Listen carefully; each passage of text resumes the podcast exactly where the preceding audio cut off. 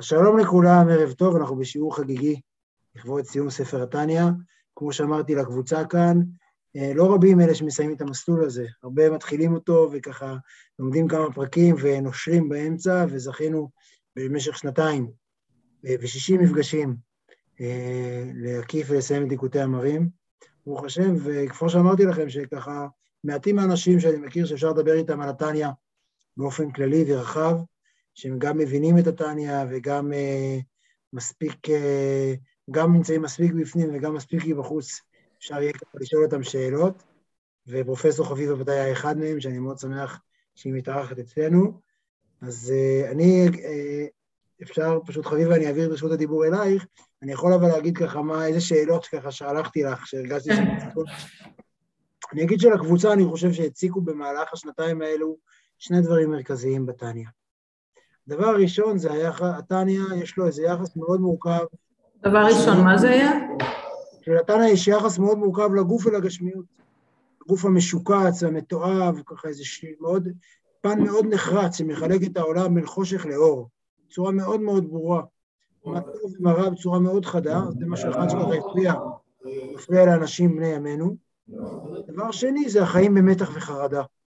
שהתניא אה, מגדל אנשים בפרנויה שכל רגע הוא רגע דרמטי מדי וכל רגע יכול לקרות אסון ואנחנו במלחמה מתמדת. המלחמה, יחס עם הדיכוטומיה המוחלטת בין טוב ורע וקודש, בין קודש לסטרא אחרא, אין אצלו חול, יש קודש וסטרא אחרא, ככה זה במהלך הדרך, אני מרגיש שאלו היו השאלות המרכזיות, ויכול להיות שבהמשך יתעוררו עוד, אבל ככה אלה השאלות שפניתי לחביבה ואמרתי לה שאני אשמח להתייחסות שלה אה, בהקשר הזה. טוב, אז אה, קודם כל תודה רבה על ההזמנה הזאת, ואני אגיד שהיא הפתיעה אותי, ואני מקווה שאני אוכל אה, לתרום משהו. אה, שאני אוכל לתרום משהו, כאילו בעצם. נשתדל לתרום, אבל אם אתה אומר שלמדתם שנתיים, אז אני לא הייתי בתוך כל הלופ של הלימוד, ו... ואני רואה פה גם את הרב שטיינזץ, כאילו מה זה, זה הולוגרמה או משהו כזה? זה נראה כאילו כמו הולוגרמה. אה, זכיתי להכיר אותו גם אישית, כן. טוב. אז בעצם אה, אני באמת מנסה, אני אנסה להבין מה, מה אני יכולה לתרום, ויכול להיות שאני לא אוכל לתרום כלום, ויכול להיות שאני בעצם אגיד דברים טריוויאליים. אז ואז אולי עדיף אה, שאתם גם תתקנו אותי ותובילו אותי לדברים שיותר מעניינים אתכם. אה, כי אולי אני לא אדע בעצם להבין אה,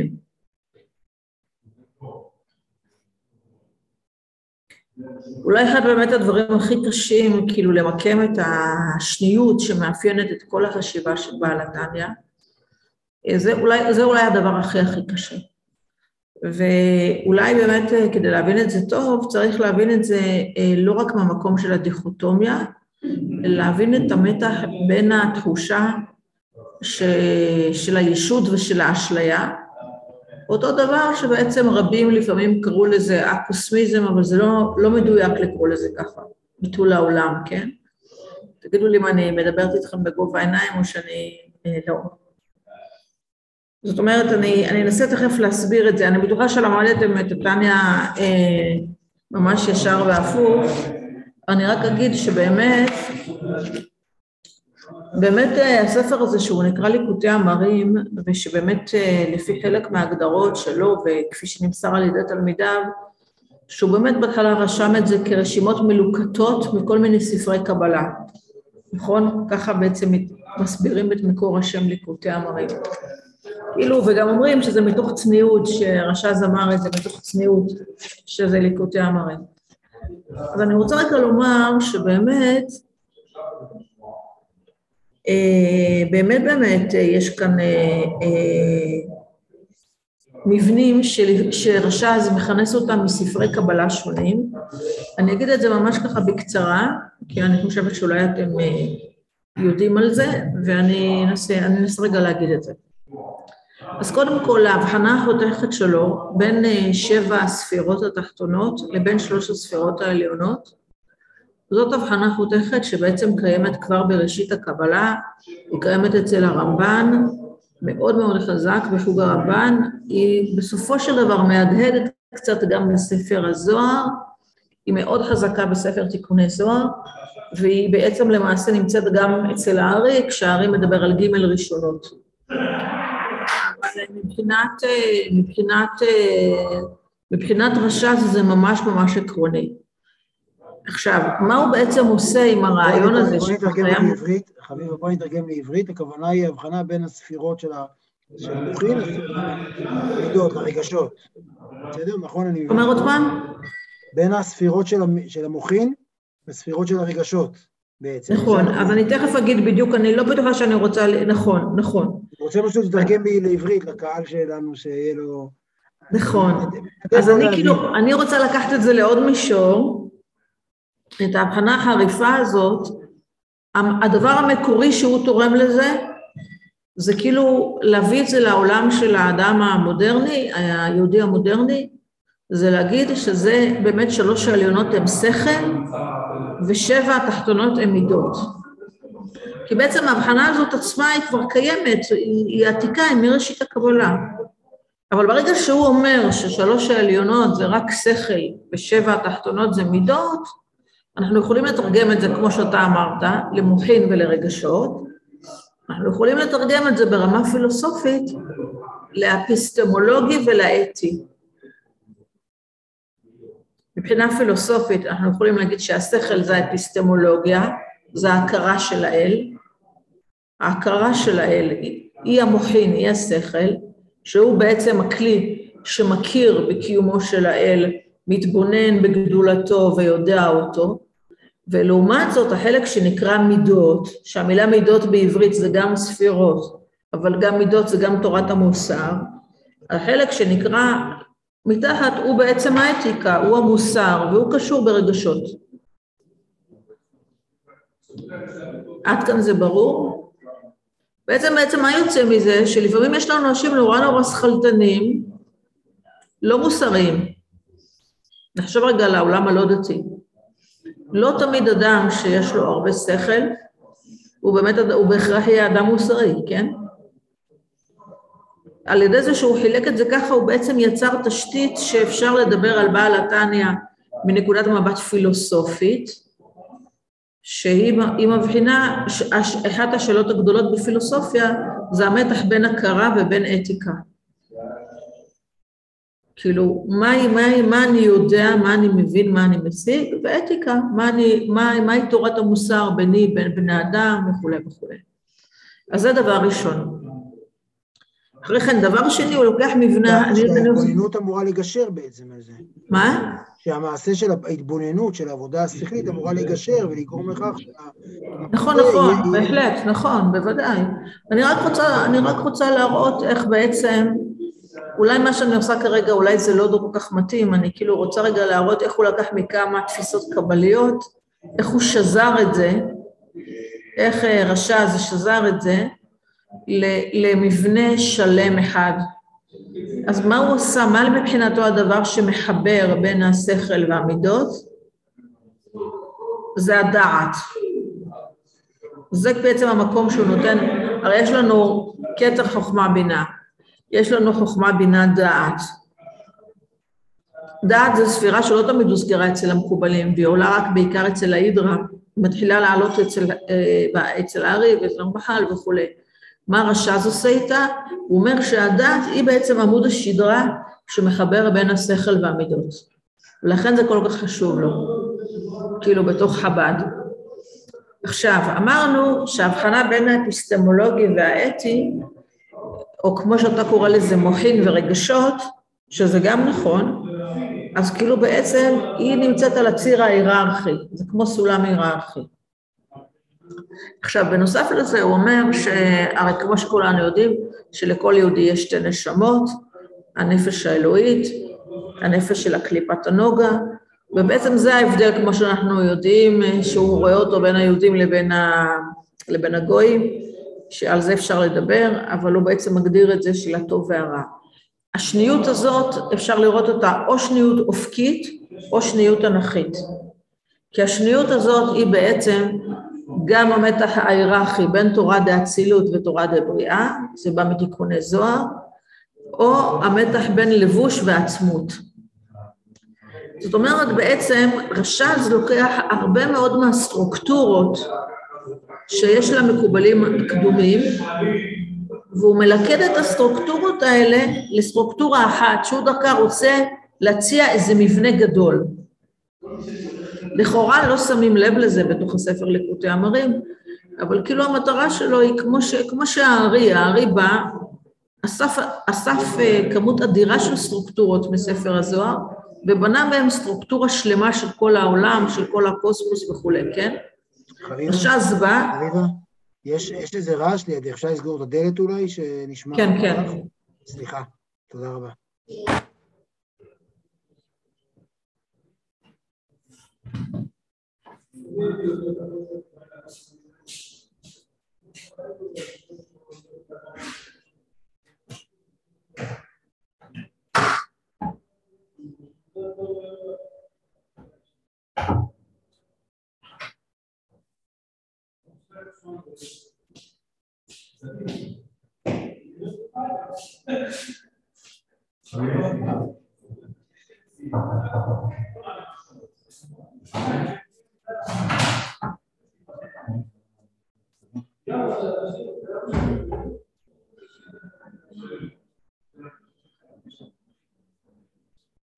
Bardzo zaczniemy Łukasz, jeszcze co? Waszą sprawę.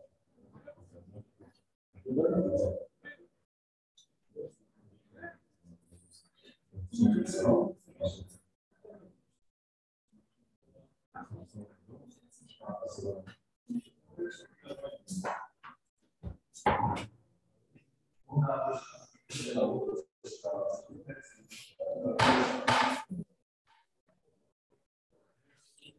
בסדר, אוקיי, אז עכשיו,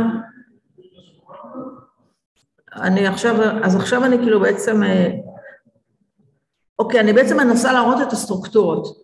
אז המבנים הנוספים שיש לנו, תגידו לי, אם זה, אם זה טריוויאלי מדי, אז תעצור אותי. בסדר? המבנים, המבנים הנוספים שיש לנו, שהם קשורים, כל המבנים השניותיים שהם קשורים ללבושים ועצמות, לתורה דבריאה ותורה דאצילות וכולי, אז בעצם למעשה הם כאילו בעצם הופכים להיות בכל הנפח שהוא תיאר של המידות.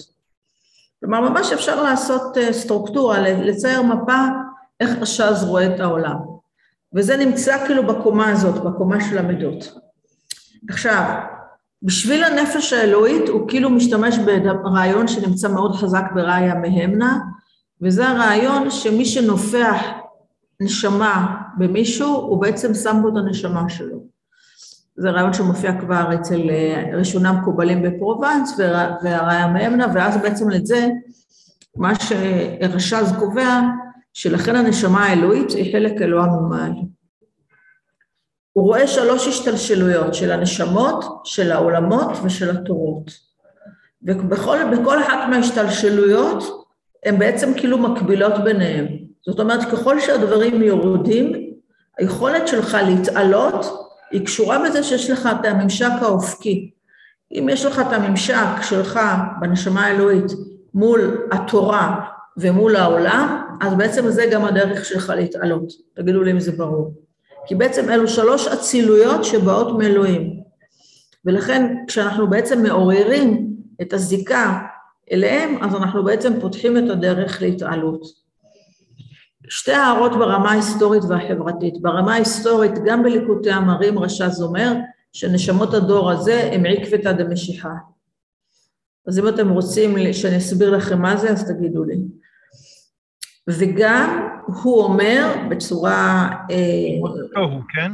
מה? שמות התוהו קורא, נכון? הוא לא אומר שזה דווקא נשמות התוהו. הוא אומר, נשמות דורנו אלה עקבי משיחה שהם מבחינת עקביים ממש. והוא לא אומר, זה בכלל דווקא לא נשמות התוהו. המושג של נשמות התוהו וכל הניסיון להסביר אותם, הוא מתחיל יותר ויותר חזק באדמו"רים הבאים, ומגיע לשיאו כאילו באדמו"ר החמישי, מעיין יוצא מבית השם, אבל באמת גם כשאנשים לא ממש מבינים את זה, אז הם, הם כאילו יכולים להתבלבל בין ההגדרות. אם אתם רוצים, אני אחזור לזה, אני אסביר את זה עוד מעט, עוד, עוד פעם אם אתם רוצים. וההערה השנייה החברתית, שהוא כביכול אומר אותה כביכול מהצד, אבל היא מאוד קריטית, למרות שהוא כל הזמן אומר שעמי הארץ, הם גם, גם יש להם את ההשתלשלות הזאת עם העצמות, בעצם למעשה פעמיים או שלוש הוא מגניב שהם מג, הם מג, מצליחים להתקשר עם העצמות הזאת באמצעות הצדיקים. וזה, אז יש תיווך, יש תיווך, זאת אומרת, זה, זה, זה, זה, יש תיווך, ולכן זה ממש ממש משמעותי. אם אתם זוכרים את ההאשמות שהיו לחסידות בהתחלה, שהם מוסרים את, מוסרים את המחשבות שלהם לצדיק, האשימו אותם שהם בעצם עובדים את הצדיקים ולא את אלוהים, אז יש כאן משמעות להדג, להדגשה הזאת. עכשיו, למה היה חשוב מקודם להגיד שההיבט השכלי הוא נמצא מעל המידות? כי בעצם בשכל אה, רשז ממקם את יראת הרוממות ואת האהבה העזה. זאת אומרת, ההיבט האפיסטמולוגי ההכרתי הוא זה שמוביל את האדם אה, לאהבה וליראה הגדולות, ואז מהם בעצם נולדות האהבה והיראה שהן ברמה של רגשות. אני חושבת שכאן יש תשובה אחת משמעותית לנושא החרדה ששאלת עליו. כי בעצם למעשה החרדה מבחינת רש"ז היא לא מתחילה ברגשות. יש יראה שהיא יראת הרוממות. בוא, מאוד חשוב שנבין את הרגש הזה. הרגש הזה הוא לא בדיוק חרדה, הוא יראה שכאילו אתה מרגיש את הרוממות של הדברים שלפניך, והיא כאילו היראה הזאת היא, היא לא בדיוק רק מפחידה, זה הבנת הנשגבות לעומת, הש... לעומת הקטנות שלנו, לכן מהיראה הזאת נובעת גם אהבה וגם שמחה. תגידו לי אם פה אתם מבינים אותי. ביראה, ביראת הרוממות בעצם למעשה מתבטלת החרדה דווקא, דווקא מתבטלת החרדה. רק הבעיה שלא תמיד אנחנו מגיעים לרמה כזאת של הכרה והתבוננות באלוהות כדי להרגיש את יראת הרוממות. אז זה דבר שנורא חשוב לי, אם תרצו אני אסביר את זה עוד פעם. אבל עדיין, עדיין יש את החרדה מפני הרגע הבא, כלומר, מפני מה אני אעשה. יש איזה סוג של אה, דרמטיות על כל מעשה, כלומר, אני מפמד, כלומר, הפחד, החיים באיזה פרנויה, כאילו, כמו שהרב שטיינרץ כותב בביאור טניה, שצריך להיות, שהתניא אומר שצריך להיות כמו, שאתה מרגיש שאתה יושב והסמ"ך מ' עומד עליך עם גרזן ועומד לכרות לך את הראש. כאילו שזה מה שהתניא, כלומר זה, זו חרדה מה, מליפול לסדרה אחרא, זה, זה לא חרדה מהקדוש ברוך הוא, זה חרדה ממה יקרה, מה אני עולה לעצמי, מה אני עולה לעולם. ואתה לא חושב שזה עניין של פרשנות? לא, אני חושב שכשאנחנו מדברים על מלחמה כל החיים, מלחמה שאו שאתה עמוק בסדרה, או שאתה משחית את העולם בסדרה אחרא, או שאתה מכונן את העולם באמצעות הידבקות רוחין ברוחין, אז אתה בחרדה מפני המעשה הבא, אתה לא באיזה שלווה, אין פה שום רגע של שחרור, של איזה flow. אצלו, אין flow, אצלו להפך. הפלואו הוא תמיד חושד, אתה כותב הרבה פעמים שאם אם זה, אם זה זורם, סימן שזה רע.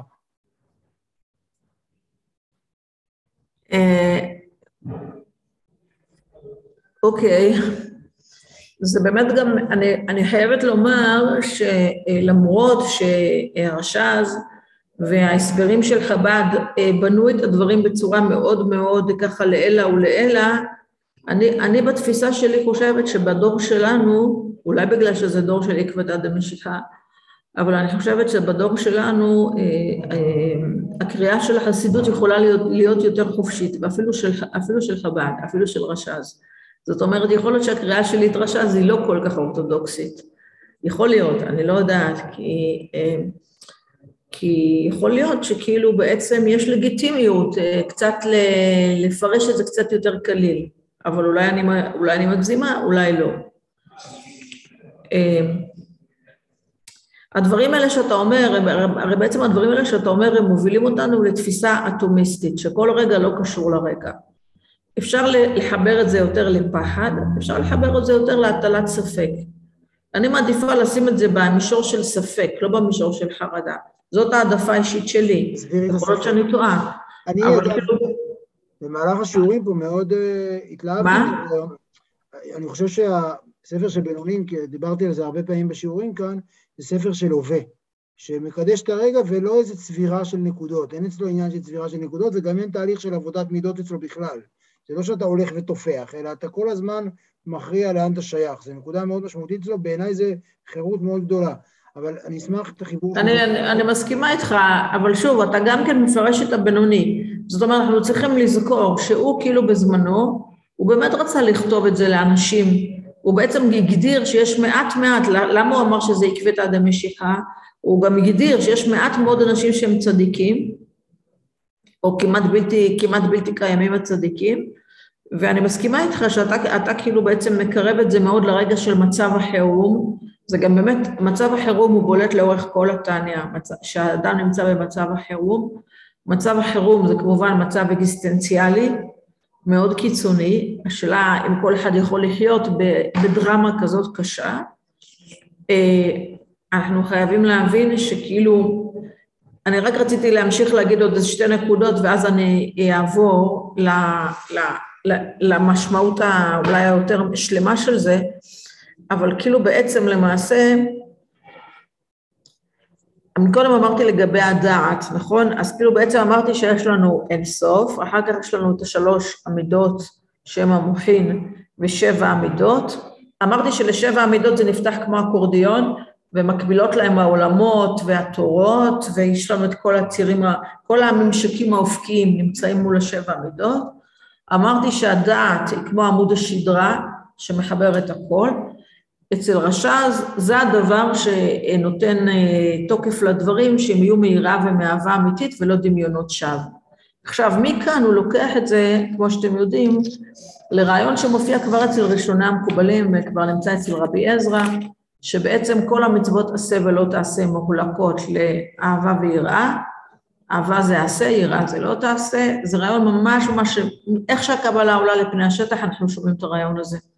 אבל אנחנו לא שומעים הרבה אנשים בדור של חב"ד, בדור החסידות, שחוזרים לרעיון הזה של רבי עזרא. וזה מעניין, כי הרבי מסטמר אחר כך יחזור לרבי עזרא מסיבות אחרות, כי הוא יחשוב שפירוש שיר השירים הוא של הרמב"ן, והוא מוצא בתוכו את ה... מוצא בתוכו את האזהרות שלו לעלות בחומה, אבל מעניין שיש לנו שם גם את העניין של תרי"ג מצוות. עכשיו רש"ז מדבר על שתי מיני צמצום. הצמצום הראשון, שהקדוש ברוך הוא צמצם את רצונו וחוכמתו בתורה, ואחר כך בעצם הוא מדבר על הצמצום בתוך הנפרדות, ולצמצום הזה הוא ממש קורא גלות, גלות קשה.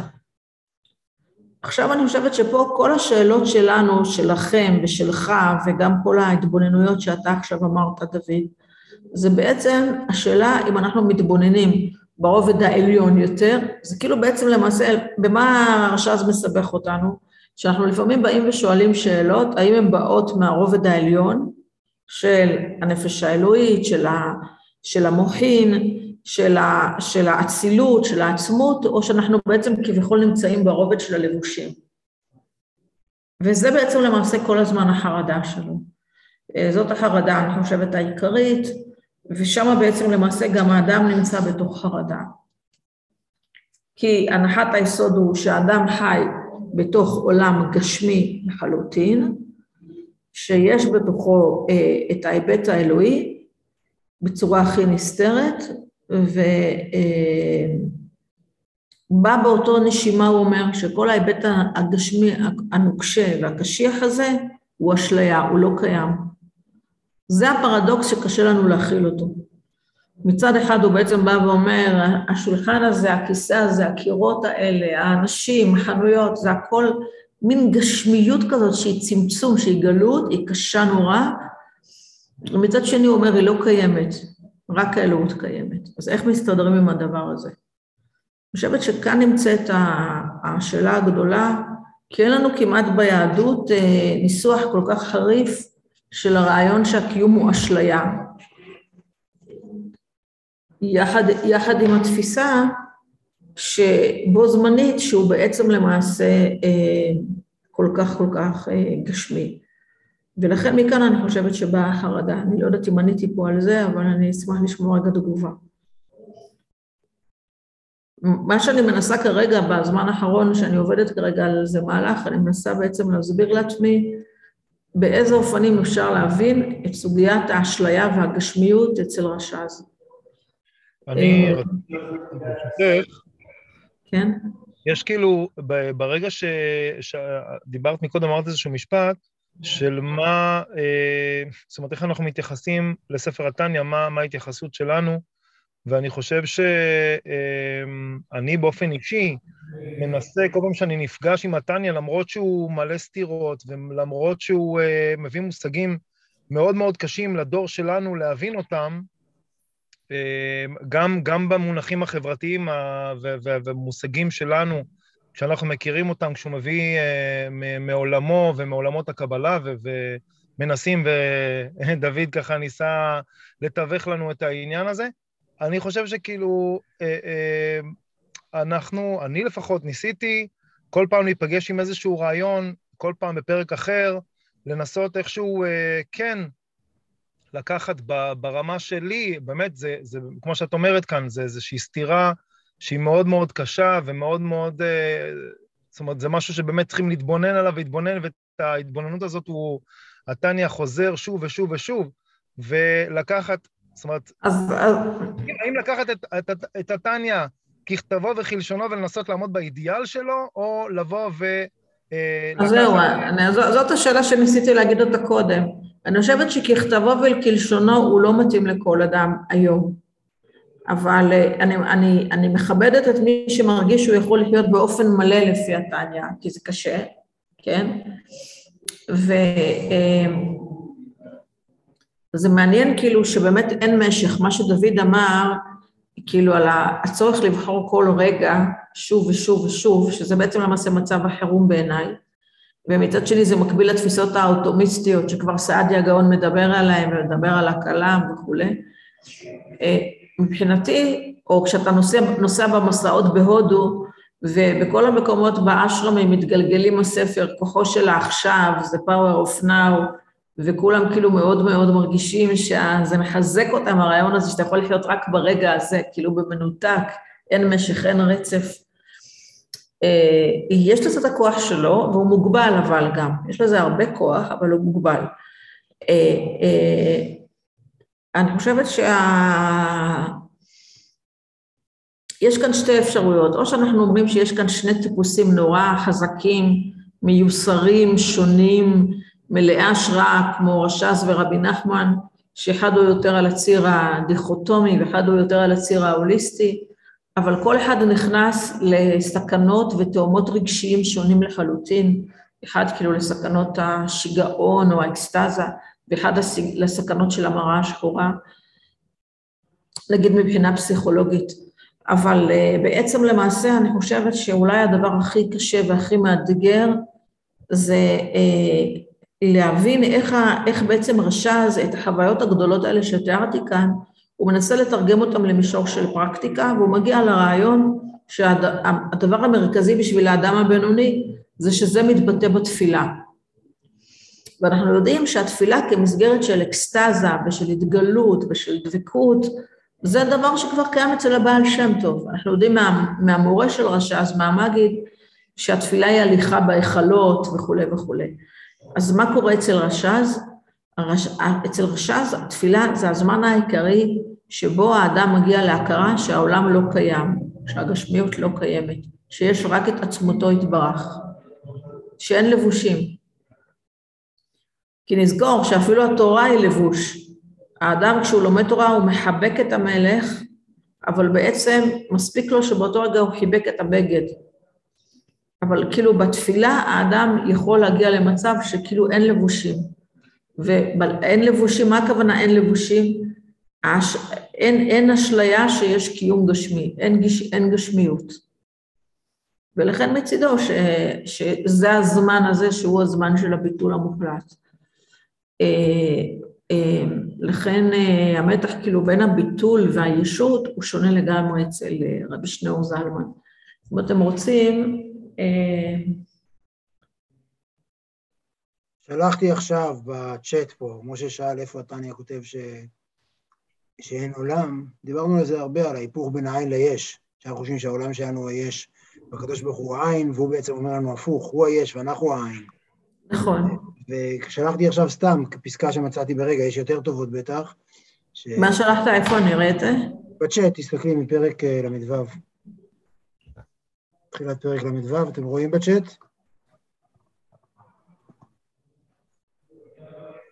לא, זו דווקא דוגמה לא כך טובה, אבל אה, בסדר.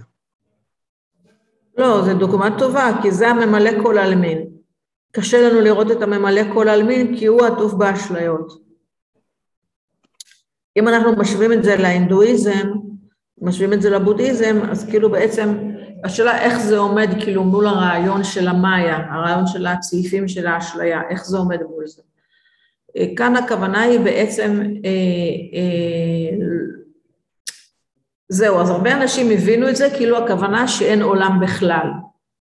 זה, זה לא בדיוק נכון, אבל זה גם כן נכון, כאילו שבעצם במובן מסוים הגשמיות לא קיימת בכלל, היא בעצם האשליה, לא שהעולם הוא לא עצמי, לא שהעולם הוא לא אני, אלא שכאילו אם אני מצליח לראות את העולם שקוף, אז אני רואה את האלוהים, שהכל הוא אלוהות, שהכל הוא העצמות. ובגלל הלבושים, אני בעצם לא רואה את העצמות שהיא בתוך העולמות. כלומר, דווקא במובן מסוים קשה לנו לראות גם את הממלא כל העלמין. כלומר, האדם מת, מתפעל, הוא מקבל את הנשגב, אבל הוא בעצם לא מצליח לקבל את הפרטי.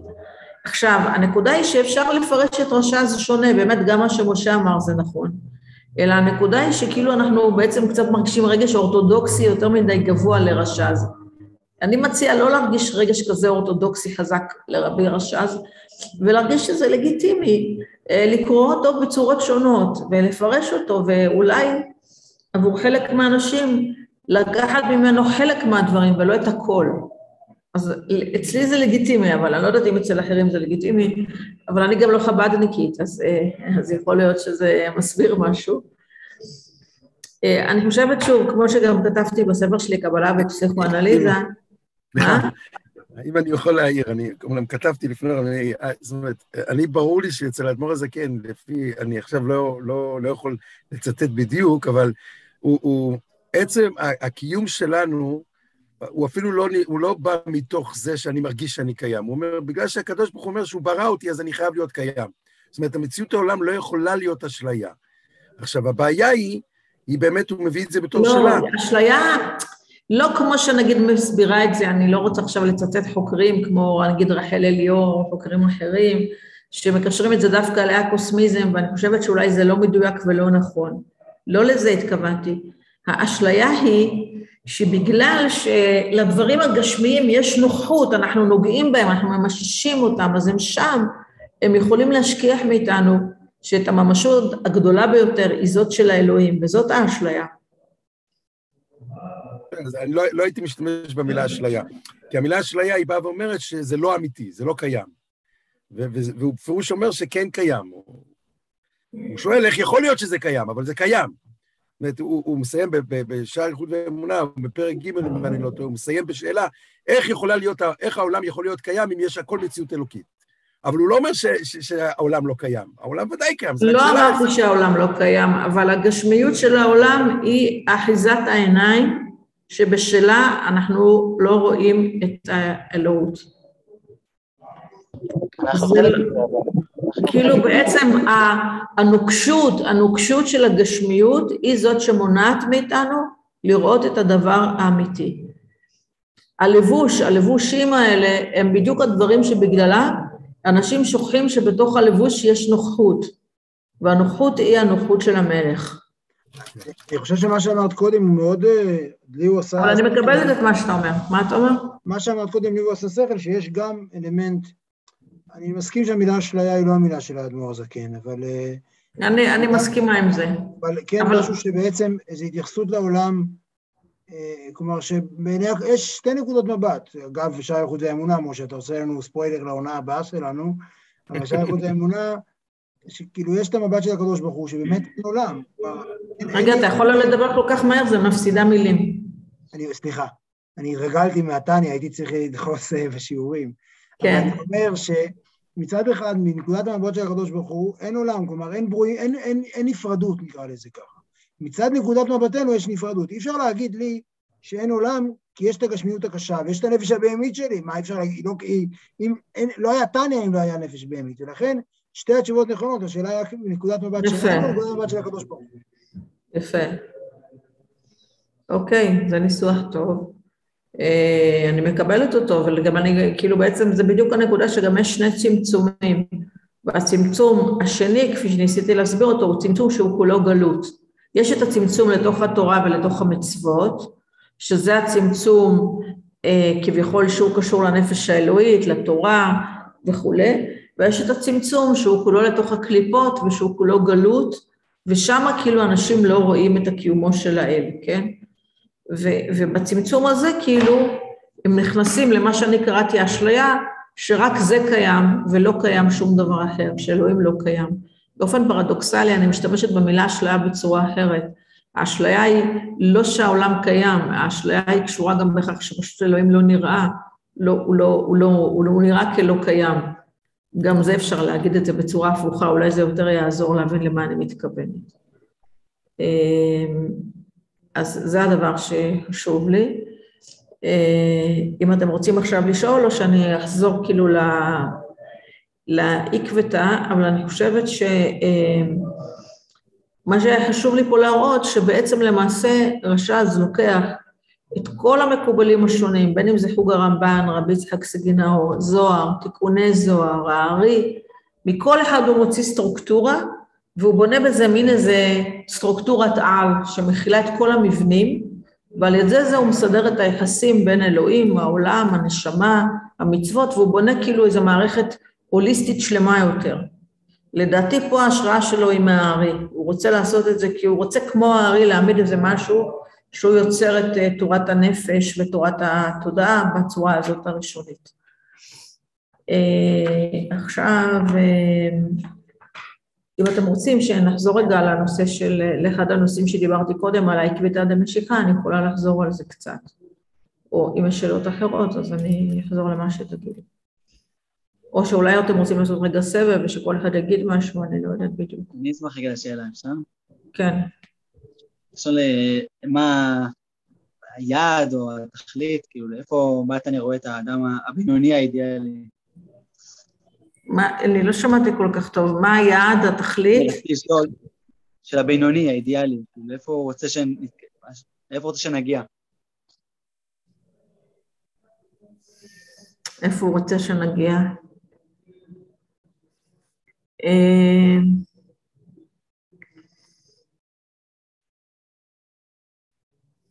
אני חושבת שבעצם למעשה חוויית האור, או חוויית האקסטזה של, שרש"ז רואה אותה לנגד עיניו, היא קשורה במודעות המתמדת של הקיום של האלוהים בתוך הצמצומים. בין אם זה בתוך התורה, בין אם זה בתוך המצוות, בין אם זה בתוך העולם ובין אם זה בתפילה. זה. לכן בעצם זה מוביל, כשאדם מודע לזה, אז קיום המצוות זה מוביל אותו לדבקות. בקיום התפילה זה מוביל אותו להתבטלות או לאקסטזה, וזה כאילו בעצם משפיע בכל דבר ודבר על ההכרעות שלו, בזה שהוא כל הזמן רואה את האלוהות. כמובן שמבחינת המידות זה מוביל אותו לתיקון המידות ולהעלאה שלהם בשורש העליון, זאת אומרת בעצם בכל רגע ורגע האדם בעצם חי, שואף לחיות עם האלוהים הבלתי מצומצם. והדבר הזה הוא כאילו מקור של... זה כאילו מוזר, כי זאת תפיסה מאוד פנתאיסטית, ולכן מה שמוזר, מה שקשה, אם כשמשווים את זה, מי שמכיר תפיסות בדתות של העולם, בדתות אחרות או ביהדות, יודע שבדרך כלל תפיסה כל כך פנתאיסטית, היא בדרך כלל לא מציגה תפיסה דיכוטומית. לכן יש פה משהו קשה עקרונית אצל רש"ז. כי הרעיון הפנתאיסטי שהנופח בהפה אחר מנשמתו נותן בו, והרעיון שאלוהים נמצא בכל הדברים וכולי וכולי, הרעיון הזה כאילו אמור להוביל, כמו שאנחנו רואים למשל אצל הבעל שם טוב, להרבה יותר שמחה, להרבה יותר אה, ספונטניות, נכון? וכולי. והרעיון, כאילו המאוד דיכוטומי, של טוב ורע, הוא בדרך כלל לא הולך ביחד עם פנתאיזם. אז איך זה מסתדר? אז תשובה אחת היא שיכול להיות שרש"ז כאן יותר קרוב לתיקוני זוהר וראיה מאמנה, שגם הם כבר עושים את השילוב הזה בין פנתאיזם לבין הבחנות של טוב ורע. כאילו המבנה של עץ הדעת טוב ורע, המבנה של תורת דבריאה ותורת דאצילות, כל המבנים האלה זה כבר בראיה מאמנה ובתיקוני זוהר. אני מקווה שאני לא מדברת מה, מעל הראש ואני לא ברורה, אני קצת לחוצה, כי אני לא... למה, למה, אבל למה הוא צריך לעשות את החלוקה הזאת? שמה? מה שאמרת עכשיו, הוא עושה, הוא עושה חלוקה, למה הוא צריך לעשות את החלוקה הזאת? אני לא- אומרת שהתורה שלו נמצאת במתח נורא נורא גבוה בין שתי קצוות. מצד אחד, הטיעון שאלוהים נמצא בכל, עד גבול של פנתאיזם ממש, ועד גבול של טענה שכאילו, אתה זה שעיוור כשאתה לא רואה שאלוהים הוא בכל, כאילו, אל, הכל זה אלוהות, רק אנחנו לא רואים את זה, זאת האשליה שהתכוונתי אליה. לא שאנחנו לא רואים שהעולם לא קיים, אנחנו לא רואים שהכל הוא בעצם אלוהות. אז, ומצד שני, הטיעון המאוד מאוד קיצוני של טוב ורע. אז שתי הטענות האלה הן נורא מתוחות ביניהן. כדי להצליח להחזיק שתי טענות כל כך מתוחות, הוא בעצם יצר מבנה היררכי כדי להסביר, ולכן אני רצ... התעכבתי קודם על לתאר את המבנה, כי באמצעות זה הוא מסביר את זה. ואז הוא יוצר את הדעת שהיא מחברת את, ה... את כל המורכבות הזאת לדבר אחד. אבל מבחינת האדם, תודעתית, זה דורש מאיתנו הרבה, כי זה דורש מהאדם מצד אחד את החוויה שאלוהים הוא בכל, ומצד שני כל הזמן את הרגש הסכנה הזה שדיבר עליו דוד מקודם. זה בעצם הפרקים האחרונים, אני ככה אתווך, אעשה את תפקידי ה... כן. טוב, הפרקים האחרונים הוא כל הזמן שואל איך, איך שיש מקום שיש בו שכינה ויש מקום שאין בו. זה בעצם מה שהוא שאל בכל הפרקים האחרונים, שהוא ניסה, הוא נגע בזה כל הזמן, בשאלה, ולכן כל המשל הזה של הנשמה בגוף. שמצד אחד הנשמה גם מגיעה לאצבע, מצד שני אין השוואה בין הנוכחות של הנשמה במוחין לבין הנוכחות של הנשמה באיברים אחרים. כלומר, זה כל הזמן מדבר על העצמות, דיבר- דיברנו הרבה על זה שהעצמות ישנה בכל... יש את העצמות, יש את ההשראה ויש את הגילוי, דיברנו על ההבדל הזה, וזו נקודה מאוד מאוד, אה, שהוא כל הזמן מתלבט לגביה, האם הקדוש ברוך הוא נמצא בכל מקום או שהוא נמצא... בדיוק.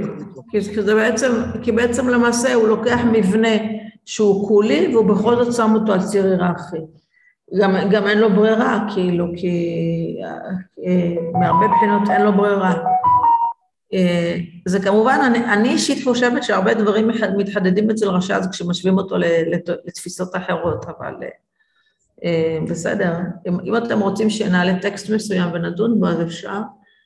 אה, אם לא, אני יכולה רגע לעבור ל... אני אשמח לעוד שאנחנו צריכים לסיים עוד רבע שעה, אני מניח שגם את ביקשת כן. שלא יהיה ארוך מדי, אז אם יש למישהו עוד שאלות או משהו כזה, אני מאוד אשמח, זה נראה לי מוביל אותנו הכי טוב.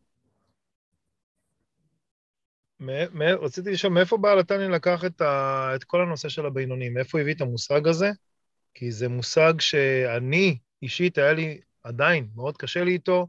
זאת אומרת, כל עבודת השם שלך לא תיגמר לעולם, אתה נמצא תמיד באותו מקום. חוץ מאלמנטים של המתח והחרדה ויראת הרוממות, למה, למה בכלל, אה, מאיפה הוא הביא אותה ו, ו, ומה הסיבה? אה, מאיפה שהוא הביא את זה אנחנו יודעים. הוא הביא את זה משלושה ספרים שנפתחים בראש השנה, של צדיקים ובינונים ורשעים, כן? מזה הוא הביא את זה. כן, אבל זו לא התפיסה הקלאסית שאנחנו מכירים, אה, זה, זה החידוש שלו, החידוש הוא... אה, למה הוא עשה את זה? כי בעצם למעשה, אני חושבת שהוא עשה את זה כי אה, הוא מבחינה היסטורית, אה, מבחינה היסטורית הוא בעצם למעשה כאילו נמצא בסיטואציה שהוא למד אצל המגיד ממזריץ', שהוא נשלח ל- לרוסיה, כן, למקומות שכולי, הוא בא, לה, הוא בא להפיץ שם את תורת החסידות. אה, אם מסתכלים עליו ברמה פסיכולוגית, הוא אדם מאוד אליטיסטי, שמאוד מאוד אוהב ללמוד, והדבר המבריק שהיה לו, זה היה לו חזון חברתי. היה לו חזון חברתי. הוא, להרבה מאוד מהצדיקים לא היה חזון חברתי. הוא היה לו חזון חברתי, הוא כאילו ראה קדימה. אפשר להתווכח אם החזון שהוא ראה היה נכון או לא נכון, אבל הוא חשב שהחסידות לא תחזיק מעמד כתנועה שיש בה אקסטזה, השראות, דבקות וכולי, אם נחשוב מי היו החברים שלו, רבי אהרון מקרלין ו...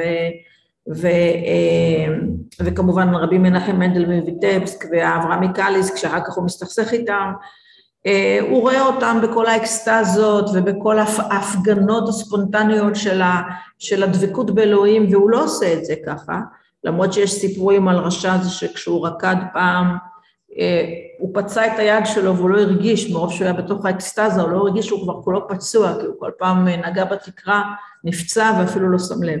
גם הוא ידע להגיע לאקסטזות.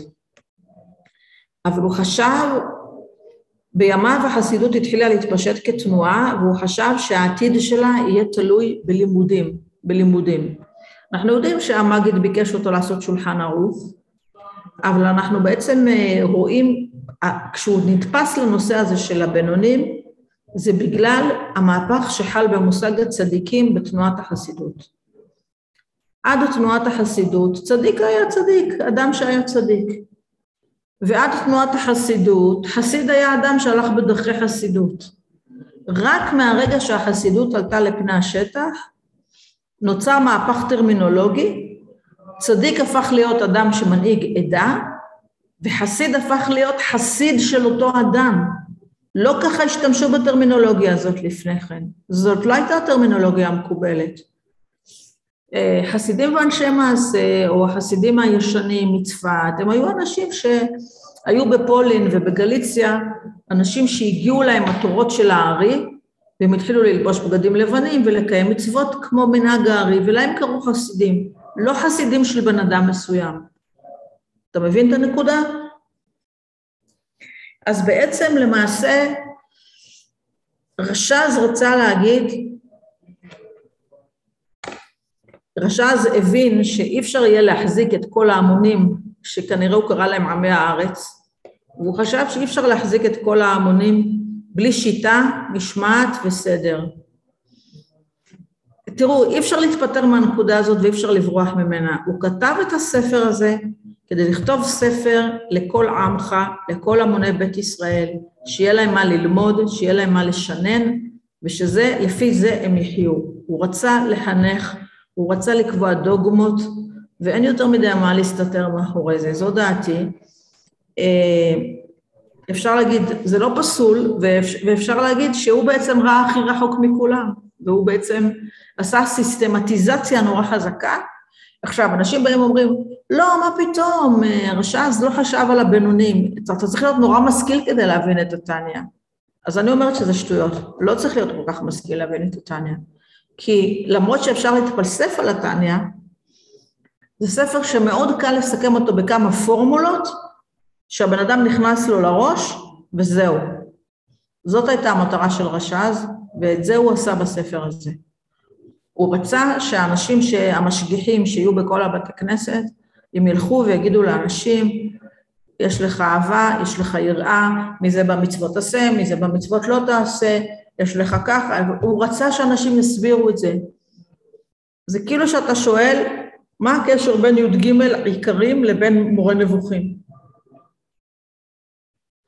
זאת אומרת בעצם, אני לא אומרת י"ג עיקרים, אנחנו יודעים שלא הרמב"ם כתב את זה, אבל אנחנו יודעים שהוא היה איש חינוך, הוא הבין שאם אתה לא תקבע את הדברים ברמה תיאורטית ותגיד לאנשים זה הפרקסיס, אנשים לא ידעו מה לעשות. עובדה שעד היום כשאני מלמדת, ואפילו אני מסתובבת גם, אני לא יודעת מה, אפילו בשבוע הספר ובכל מקום, אני פוגשת אנשים, הם באים אליי ואומרים לי, חב"ד נותן לנו את הכלים שמלכתחילה.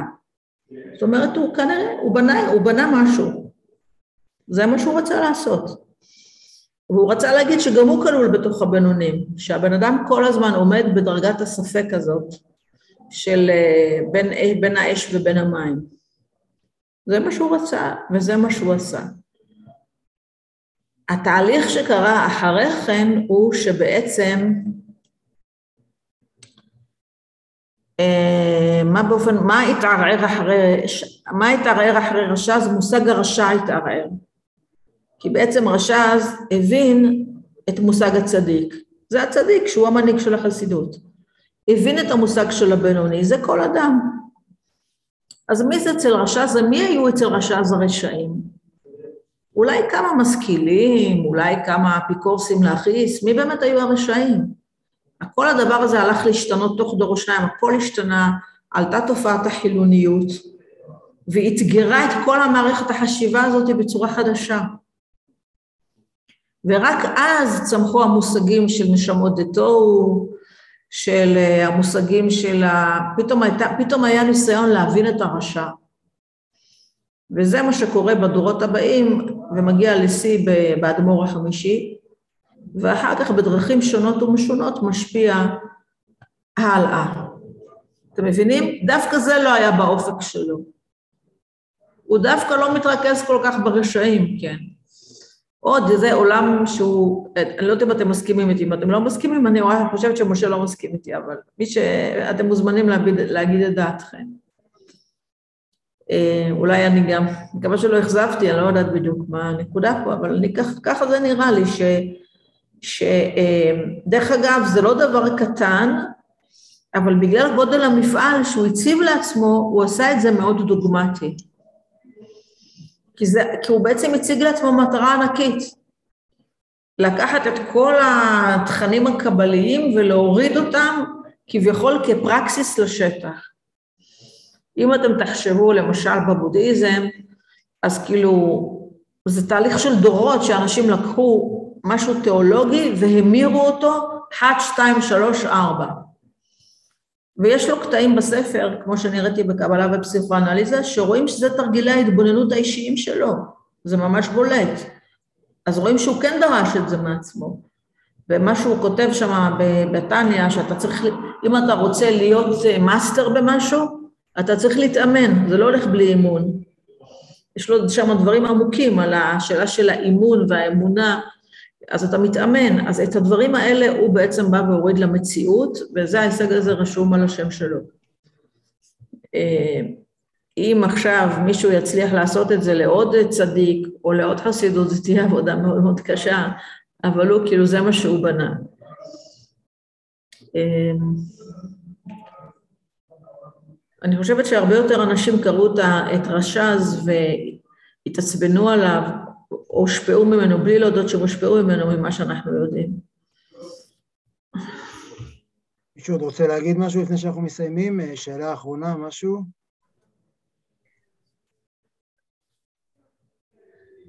הדברים שלך מאוד עזרו לי להבין יותר, אני ממש אה, שמחה שבאת. כן, תודה, אני, אני שמחה לשמוע את זה, אני לא, לא, אני מרגישה שאתם למדתם כל כך הרבה, שאתם מאוד מעמיקים, אז אני כאילו לא יודעת עדיין בדיוק את התדר, כי אני נכנסתי למקום שהיה בו הרבה לימוד עם הרבה עומק, אז אני לא יודעת בדיוק את התדר שהיה שם. ובכל זאת. בהחלט, בהחלט. ובכל זאת השתדלתי, כן. נשמח לשמוע גם ממשה וגם מאריאל משהו. תודה רבה. טוב, בבקשה. כן, אריאל, רצית גם להגיד משהו? רק תודה רבה. טוב, תודה על התודות. אה, בסדר, אני מקווה ש...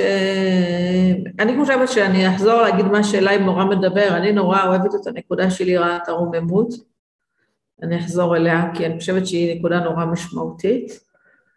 ואני חושבת שנגיד היום אני עובדת הרבה עם סוגיית החרדה והבעתה, עם אנשים שאני מנסה לעזור להם להתפטר מפחדים לא חיוביים. ואחד התרגילים שמשמעותי עבורי זה כאילו אני בעצם אומרת, אה, אה, לקחת את הפחד, לנסות לעשות, לעשות את הטרנספורמטיביות של הפחד בתוך יראת הרוממות, כאילו לתקן אותו בשורשו העליון, זה התיקון שלו בעצם, זה בעצם התיקון שלו, זה יראת הרוממות היא לא מקור הפחד, אלא היא התיקון של הפחד. אז זו נקודה שיכולה אולי גם לסייע, אני חושבת. אה, זהו. וואו. טוב. תודה, זה היה משפט אה, חשוב מאוד. תודה רבה לכם, ערב טוב, ממש כל הכבוד. תודה חברים, תודה לכולם, ניפגש אי שם מעבר לחופשים ולמדבריות, בעזרת השם, בשער איכות ואמונה. להתראות, תודה על הזכות. תודה רבה. תודה רבה. תודה.